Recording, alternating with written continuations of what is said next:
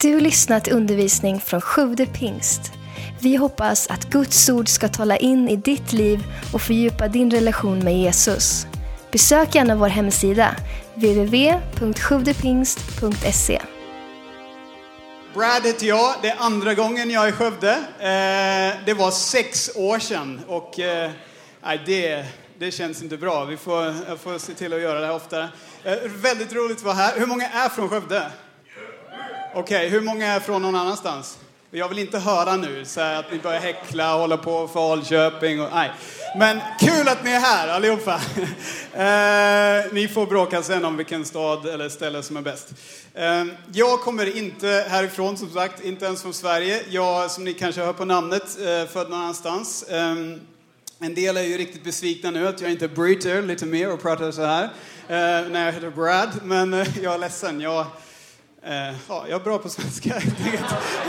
Det, eh, jag är född och uppvuxen i Australien. Jag flyttade hit som 20-åring, hamnade i Örebro, eh, insåg att den dialekten ville man inte ha, så jag rörde mig vidare snabbt.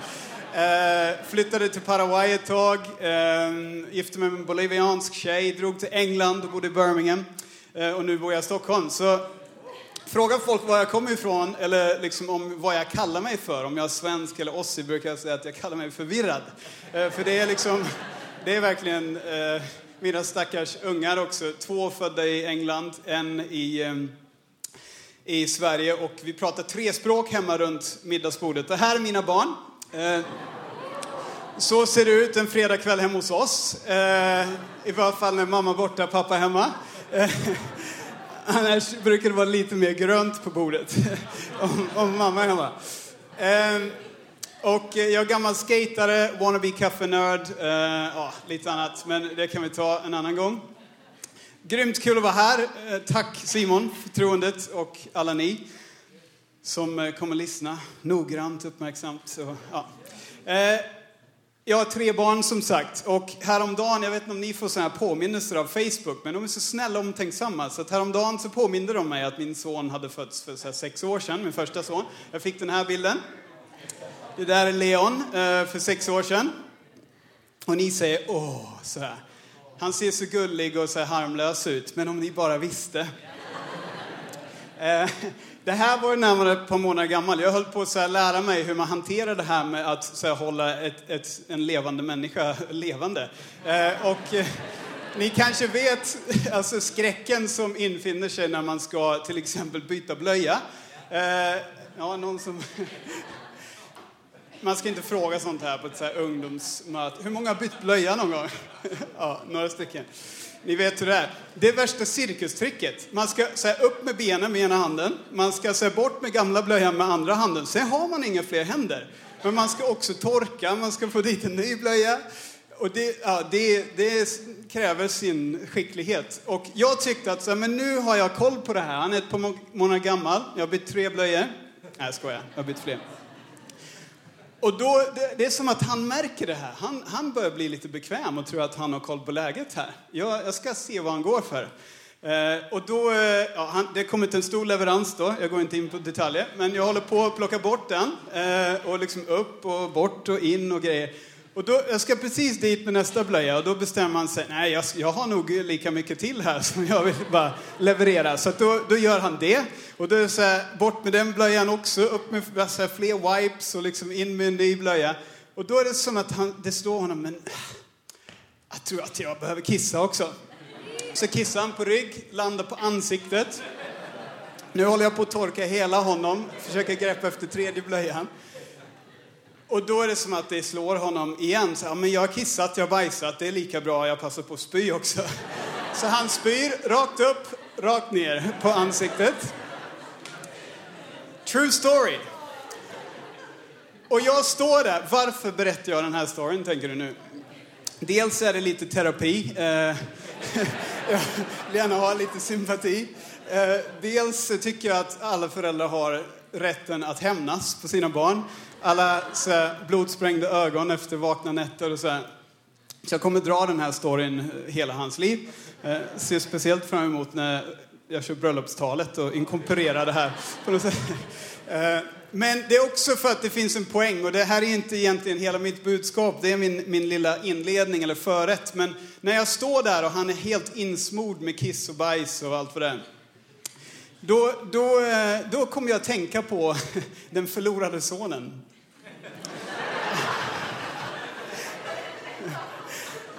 Och eh, Svinstian och allt det här. Nej, men på riktigt. Och så inser jag, den här killen, han är ju så här, basically så säger han till sin pappa, du kan lika gärna dö för jag vill bara ha dina pengar. Eh, och pappan ger honom arvet, han sticker, han bränner pengarna, lever vilt liv och så kommer han tillbaka. Och vad möter han? Innan pappan ens fått höra honom säga förlåt eller vad som helst så står pappan där med öppna armar. Det finns ingenting den sonen kan göra som gör att pappan älskar honom mindre. Och så är det kanske en jättedålig bild, jag vet inte.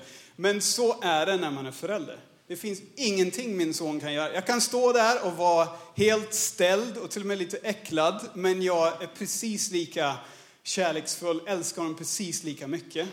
Och glömmer du allt annat jag säger ikväll så känner jag att Gud vill att du ska veta det. Att oavsett hur du känner, du kanske inte har kissat ner dig. men jag känner ibland som att jag typ så här, ja men kissar ner mig i livet. Jag, jag klantar till det, jag gör misstag. Men Gud, han står där med öppna armar ändå. Och det handlar inte om att vi alltid ska göra precis rätt, att vi alltid ska fixa det, att vi alltid ska se liksom perfekt ut eller ha koll på läget. Utan det handlar om att han har gjort allting för oss. Det handlar inte om hur vi uppför oss, utan hur Jesus har uppfört sig. Det handlar inte om att vi ens ska tro på honom först, utan att han tror på oss. Det handlar inte om att vi ska älska honom först, utan att han älskar oss.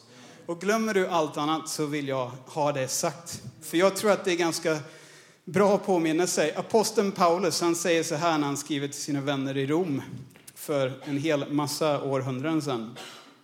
Om Gud är för oss, finns det då någon som kan vara emot oss? Jag är övertygad om att ingenting kan skilja oss från hans kärlek. Döden kan det inte, livet kan det inte, änglarna kan det inte, inte ens själva helvetets makter kan hindra Guds kärlek. Ingenting kan skilja oss från Guds kärlek som blev synlig för oss genom Jesus Kristi, Jesu Kristi död på korset. Varken död eller liv, varken bekymmer för denna dagen eller morgondagen, varken krafter ovan månen eller nere i djupet, varken kiss eller bajs eller spya. Det står inte så i min översättning heller, men det är, det är typ det han säger. Ingenting kan skilja oss från hans kärlek.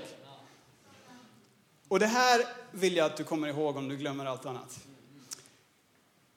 Jag ska prata om lite andra saker också, men det här det har med det att göra. För att vi lever i en tid och en kultur där man lätt tror att ska man bli älskad eller få uppmärksamhet så måste man göra en massa saker först. Speciellt yttre saker, synliga saker. Man ska prestera, man ska leverera, man ska liksom leva upp till någonting. Vi är helt besatta med det som syns och det som är stort och snabbt och snyggt och synligt. Och vi tror att det är det som kommer göra oss älskade. Och jag vill prata lite om det. Större, snabbare, synligare och snyggare. Versus bättre, mer hållbart, hjälpsam och varm. Ja, ni hör, det låter inte lika bra. Det är inte lika catchy. Men det är egentligen det som Gud är ute efter. Och en bild på det här som jag kom på, det är Fires versus Fireworks. Det är min rubrik. Fires versus Fireworks. Vad menar jag? Jo, vi lever i en kultur som älskar fyrverkerier. Vi älskar det som eh, är häftigt, som är stort, som är snyggt, som sker snabbt. Vi blir impade av det. Som fyrverkerier. Katy Perry, hon sjunger om det. Jag trodde aldrig jag skulle citera Katy Perry i en kyrka eller någon annanstans för den delen. Hon sjunger Baby you're a firework, come on show them what you... Nej, jag kör inte den. Uh, make him go oh oh oh. As you shoot across the sky, I, I. Jag vet inte om det är någon som diggar Katy Perry. Ni behöver inte räcka upp handen, ni får det. Uh, ingen kommentarer. Nej, jag skojar. Uh, det är en bra låt. Hon peppar folk. Eh, jag står inte för allt hon säger. Jag bara säger, det är bra att hon peppar folk, du kan bli någon och så vidare. Men jag tror egentligen att vi behöver prata lite mer om eldar än fyrverkerier. Fyrverkerier de tänds direkt, men eldar de får man vänta på lite grann. De tar tid. Fyrverkerier de tar mer plats, hela himlen. Men eldar sitter ofta i ett hörn bara, ganska så här, omärkvärdiga. Fyrverkerier är supersnygga och häftiga. Eldar kan vara lite fängslade om man är nog trött och stirrar nog länge. Men det är liksom, de är egentligen ganska förutsägbara och småtråkiga. Och jag vill gärna illustrera det här. Jag ville ha med mig lite fyrverkerier in hit och, och tända en eld här också på scen, men jag fick inte göra det. Men jag har liksom en haltande liten liknelse här. Så jag har eh, en tomtebloss och eh, ett stearinljus. Eh, så det här ska väl representera någon form av fyrverkeri. Och det här ska vara någon form av ljus. Får jag tända de här? Går det bra? Det är inga så här brandvarnare och grejer som... Ja, vi kör så här.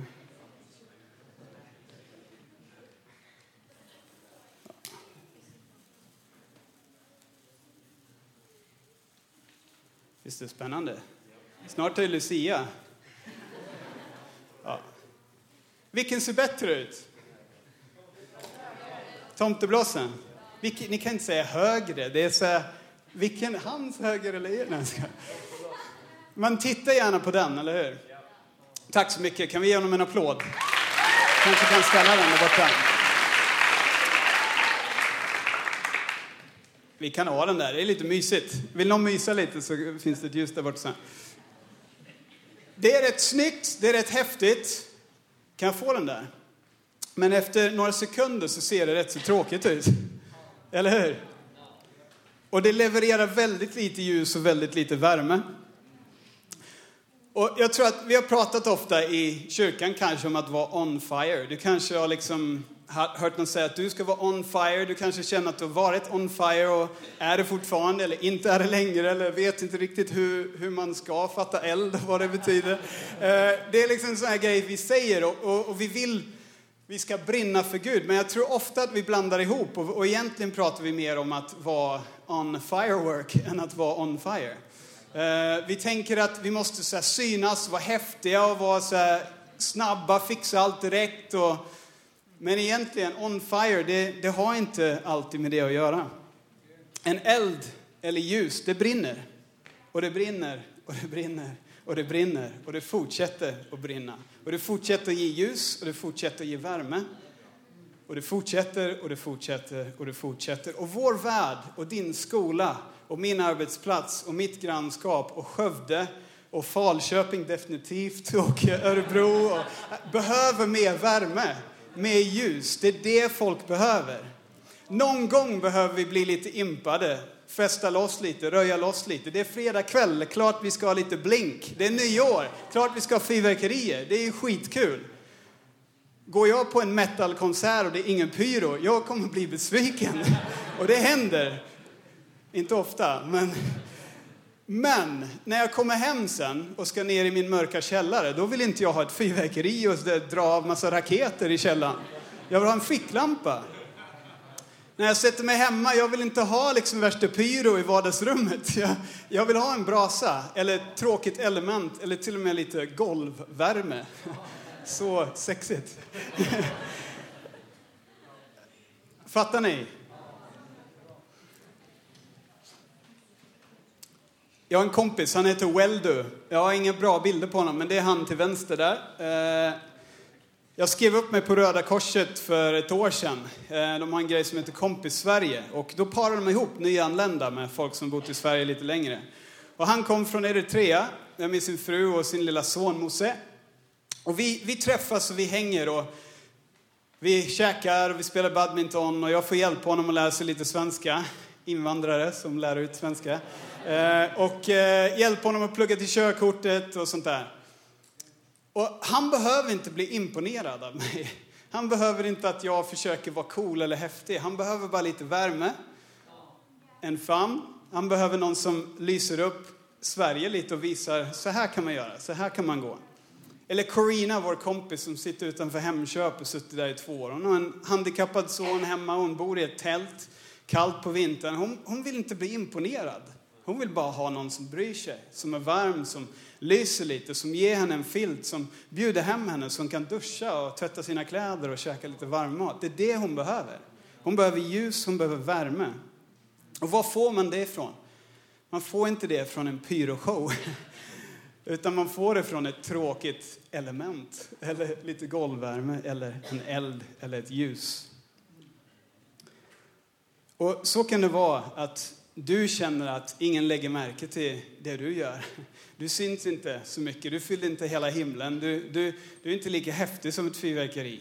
Du är ungefär som eh, ett värmeelement som står i ett hörn. Du kanske känner så ibland. Men det är okej, okay, för att du kan fortfarande ge värme. Jag vill bara prata kort om de här orden jag sa i början. Eh, jag pratar om, om stort, jag pratar om snabbt, jag pratar om synligt och snyggt. Och om man tittar på stort versus bra. Ibland kan det vara stort och bra. Men om man tittar på det här, ibland tänker vi att stort alltid är bra. Men i Guds rike är det ofta så att det som är bra börjar litet och så växer det upp och blir stort. Jesus han hade 12 följare på Instagram. ja. Och en han klickade unfollow sen när det blev lite jobbigt. Nej men på riktigt, det är en jättetöntig bild, jag vet. Men jag är så här, snart en medelålders man så jag kan dra sådana här skämt. Men, men eh, han hade 12 människor som följde honom på nära håll. Men idag har han två miljarder. Det börjar litet, men nu är han världens mest kända man. Och du kanske känner dig liten ibland. Men då är det ju gott sällskap. När han föddes, det var knappt en kotte där. Han föddes i ett litet stall. Och när han dog, det var inte så många som stod kvar med honom då heller. Det såg väldigt litet ut och ganska svagt ut. Men det Gud gjorde var att vända det till en seger. Och när Gud är med så kan det lilla bli stort. Och Bibeln är full, och historien är full av sådana människor. Otippade, okända människor. Vanliga vardagliga superhjältar. Som en snubbe i Kina för ungefär 25 år sedan när det rullade in massa tanks på Himmelska fridens torg. Då går den här snubben ut med sin shoppingpåse och ställer sig framför en tank. Och han stoppar tanksen helt själv. Det här är en av världens mest spridda, mest kända bilder. Han kallas för Tankman. Han är inte särskilt stor eller stark, han är inte känd och 25 år senare är det fortfarande ingen som vet vem han är. Ja, kanske han själv då, men, men ingen annan. Han är helt okänd, en liten man som gjorde stor skillnad. Det är inte alltid så att stort är bra och det är inte alltid så att om det är litet kan det inte bli bra eller så är det dåligt. Ett annat ord jag pratade om var snabbt. Jag vill prata kort om snabbt versus hållbart.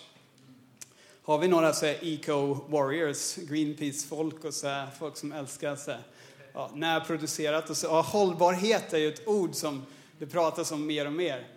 Det är inte det jag är ute efter, att alla ska bli vegetarianer eller något. Utan det jag pratar om är att det ska hålla i längden. Är det någon som har känt att Gud är lite långsam ibland? Du har bett en bön och så ser du ingenting. Du väntar, du ser ingenting. Du liksom väntar och du ser ingenting. Så kan det vara. Och vi är så otroligt präglade av vår kultur där allt går så hyperfort. Och allt ska hända på en gång. Och det, det är helt okej, okay. det är kul. Det är toppen att jag kan facetima min farsa i Sydney och han ser mig direkt utan ett halvårs lagg på bilden. Det gillar jag, det är jättebra. Men vi blir så präglade av att allt ska hända nu. När mina barn kommer hem till mig från skolan så um, har de med sig så små projekt. Och en grej de håller på med nu är ju, de odlar krasse på så här bomullstussar. Är, är det någon som har gjort det någon gång? Det värsta, alltså hur värdelöst är inte det egentligen? Man häller på lite vatten, sår lite frön, så kommer det upp lite krasse och du får i bästa fall, det sker väldigt snabbt så det är bra, men du får så en halv tugga så är det slut. De odlar inte ekar i skolan, det tar lite längre tid. Och det är ett äppelträd, det är, ja, det är ganska tråkigt första dagen och andra dagen och andra året och tredje året. Men efter fyra, fem, sex år, då börjar det leverera frukt. Och då levererar det i generationer. Så många, många, många fler kan äta än en liten rutten tuss med krasse på. Fast den är snabb. Likadant om du ska bli bra på något, spela gitarr, sjunga, sköta ljudet.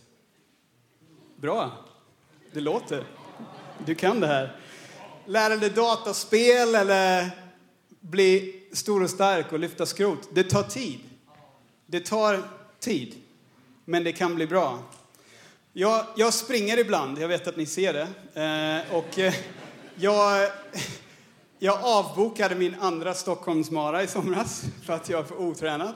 Eh, men jag har sprungit tre mil i alla fall. Och eh, ja, det, det har inte alla ni gjort. Så, så jag kommer, jag är på G. Men för fem år sedan då kunde jag inte springa tre kilometer utan att halvt hosta ihjäl mig och klappa ihop en hög efteråt. Jag är seriös, jag var så otränad för fem år sedan. Så jag har satsat lite på det här och eh, det är ju lite så med, med löpning. Maratonlöpning är egentligen ganska tråkigt. Jag var på Stockholmsmaran, skämdes lite i somras, skulle ha sprungit. Jag stod och tittade på istället. Och hur kul är det att stå och titta på någon som springer i fyra timmar? Det är så riktigt segt. Det är mycket roligare att titta på en sprinter som är så färdig på sju sekunder. Men grejen är att sprinten, korttidslöparen, eller ja, vad heter det? Ja, ni fattar. 100 meters loppet, Han, de kommer ingenstans.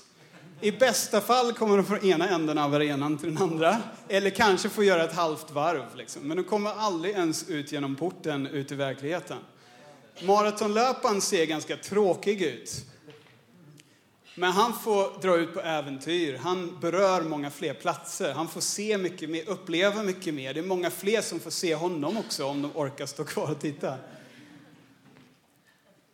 Och jag tror ibland är det kristna livet lite mer som maraton än korttidslopp.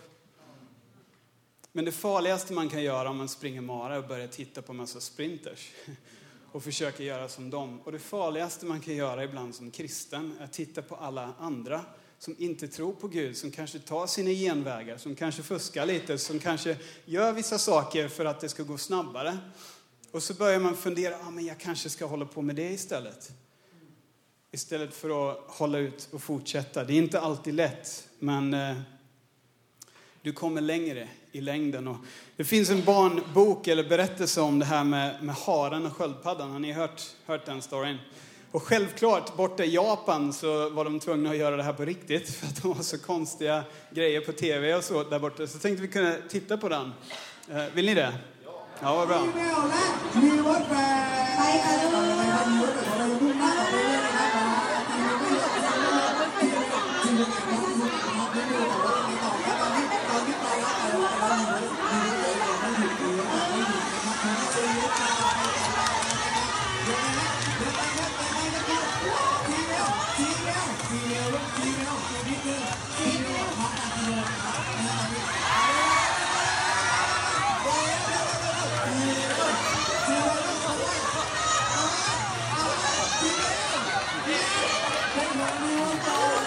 Det är bra.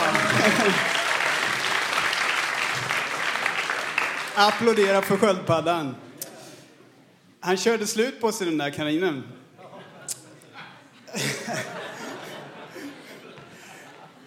Ja.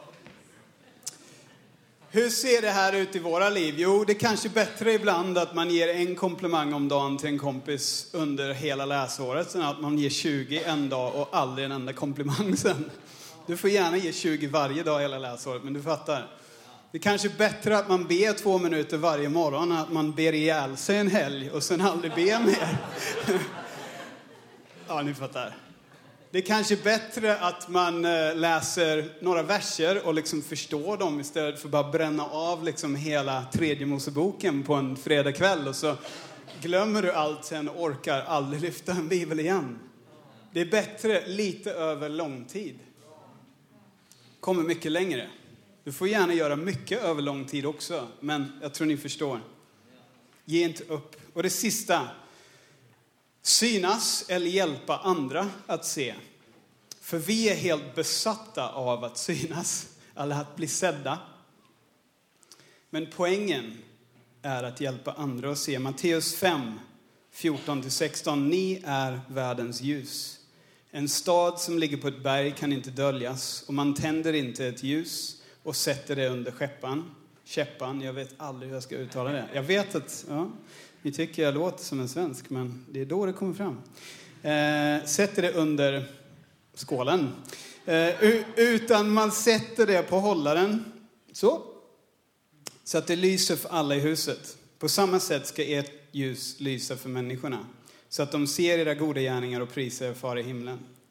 Ibland så tror vi att passionerad kristendom bara handlar om att brinna så starkt så alla tittar på oss och alla hör oss. Och det, det får gärna vara så ibland också. Gud, Gud liksom, han har ingen så mindervärdighetskomplex om du får lite uppmärksamhet. Det är helt okej, okay, han klarar det. Men det är inte poängen, utan poängen är att vi ska lysa. Vad, vad stod det på slutet? Det stod så att de ser era goda gärningar och prisar dig. Nej, prisar er far i himlen. Poängen med ljuset är inte att stå och titta på ljuset. Poängen med ljuset är att man ska kunna se så att man kan ta sig fram och hitta dit man ska. Det är poängen med ljuset. Och jag är glad det finns fyrverkerier på nyår. Jag är glad att det finns pyro på min rockkonsert när jag går på den. Som sagt, jag är glad att vi har lite LED-kannor så här en fredagkväll. Men måndag morgon, då behöver jag ingen LED-kanna, utan då behöver jag ett vanligt ljus. Så jag kan hitta fram till kaffemaskinen, hitta bilnyckeln, hitta dörren så att jag hittar ut till jobbet. Och ett riktigt ljus är okej okay med att stå i ett hörn. Ett riktigt ljus förväntar sig inte att man ska komma in i rummet och bara stirra upp i taket hela kvällen och bara titta på ljuset. Utan att man ska kunna se folket. Till och med sådana här grymma, coola lampor. Poängen är att man tittar på dem en stund, men huvudpoängen är att ni ska kunna se mig. Jag får se. Nej, ni förstår. Ni har säkert inte ens sett de här spottarna, men ni har sett det de gör. Ni har sett det man kan se när de lyser. Och så kan det vara på din skola. Du kanske inte känner att någon ser det du gör, men Gud ser det du gör. Men människor kan också se Gud genom det du gör. De kanske inte tittar på dig en enda gång, men de kan se Jesus genom dig för att du lyser. Jesus han var typ okänd i typ 30 år. Alltså 90 procent av hans liv var han totalt okänd. Och sen fick han sina 12 följare och några till och så en massa idag. Men han var helt bekväm med det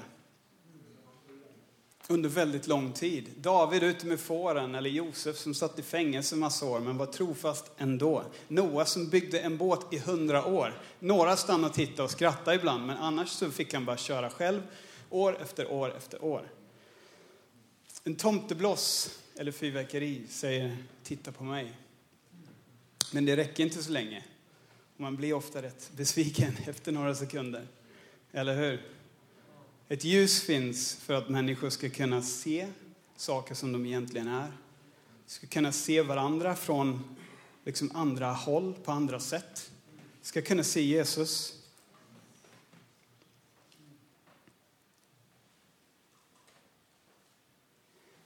Ska avsluta med en berättelse och några ord till. Men jag hörde om en tjej i Australien för några år sedan, mitt hemland. Hon var 12 år. Hon blev mobbad hon var ju extremt lång eh, och smal och några tyckte hon såg lite märklig ut och hon blev jättemobbad på sin skola. Och när de skulle ha skolavslutning så skulle de ha maskerad, någon, någon form av fest. Hon ville så gärna gå, hon var ju värsta Star Wars-nörden och ville gå som Princess Leia. Men hon vågade inte, för hon var så rädd att bli hånad och mobbad så att hon sa till sin mamma, jag kommer inte gå kommer inte gå på den här skolavslutningen. Men några vänner till hennes mamma hörde om det här. Några, några gubbar. Och eh, de bestämde sig att det här måste vi göra någonting åt. Vi, vi ska gå med henne. Men de skulle inte bara gå hur som helst. Utan de gick ut på nätet först och beställde lite specialkläder. Och här ser ni bilden på henne på väg till maskeraden. Och plötsligt så tittar alla på henne. Och den här storyn den spreds över hela Australien. Jag hittade den här bilden på en tysk hemsida. Folk har liksom berättat det över hela världen. Och egentligen visst, stormtroopers, de ser rätt coola och häftiga ut. De får lite uppmärksamhet. Men ingen vet vilka det är där inne. Ingen vet vad det är för gubbar. Men de har gjort hennes dag lite bättre. Hennes liv lite ljusare. Hennes dag eller avslutning eller fest lite varmare. De har gett henne lite mer hopp. Och du kanske inte ska ha en stormtrooper-dräkt på dig. Du kanske ska göra något helt annat. Men du kanske inte heller syns på det sättet riktigt. Ingen kanske vet någon gång vem du är eller vad du har gjort. Men du kan ändå lysa upp och göra världen lite varmare för någon annan och hjälpa någon annan att se Gud. Vi ska avrunda, men eh, världen behöver inte fler kristna som kan imponera på dem. Världen behöver fler kristna som kan serva dem, som kan visa vägen, som kan ge värme. Det är det vi behöver i Sverige mer än någonsin. Och du behöver inte ha koll på allt, du behöver inte fixa allt, du behöver inte vara störst, starkast, snyggast, bäst, häftigast. Utan du kan ge värme. Du kan vara lite golvvärme för någon. Du kan vara ett värmeelement som du inte ens har märkt finns här. För det är det som gör att folk kan leva vidare. Du kan vara en ficklampa eller ett ljus som gör att någon kan hitta hit till kyrkan, hitta till Jesus, hitta någon annan som de kan vara kompis med om de är ensamma. Människor behöver ljus för att se, de behöver värme för att överleva. Och ofta behöver de lite tid också för att processa sådana här stora frågor som vad ska jag tro på? Det tar lite tid. Och det har ett fyrverkeri rätt svårt att leverera i längden. Men det går alldeles utmärkt med en eld. Och för några år sedan så satt jag i Rättvik framför en brasa. Och eh, det var en fet sån här stor stock som låg i brasan och brann. Jag har med mig en stock. det är tur. Ska alltid ha en stock i bakfickan. Man vet aldrig när man behöver det. Jag satt och stirrade in i den här elden och så kände jag att Gud sa Du försöker vara för mycket fyrverkeri. Du vill ha massa uppmärksamhet och vara häftig och du vill att folk ska ha koll på dig och hur liksom bra du är. Jag vill att du ska vara en stor, fet, tjock, seg stock.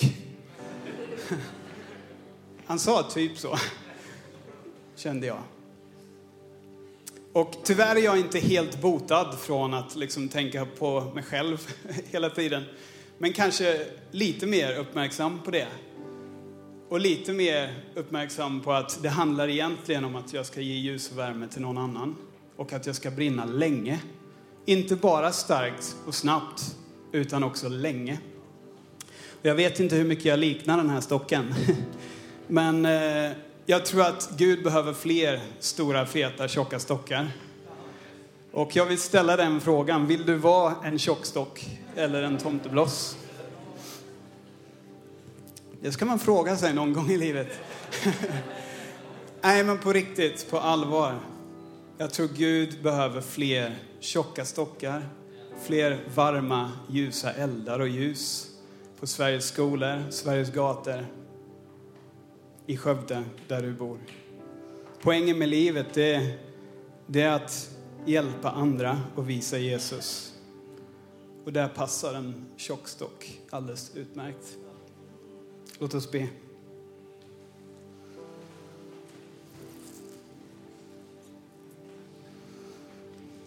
Gud,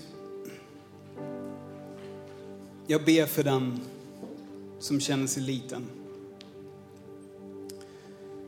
Som känner att de inte kan göra skillnad för att de är, som, de är liten eller inte märks så mycket.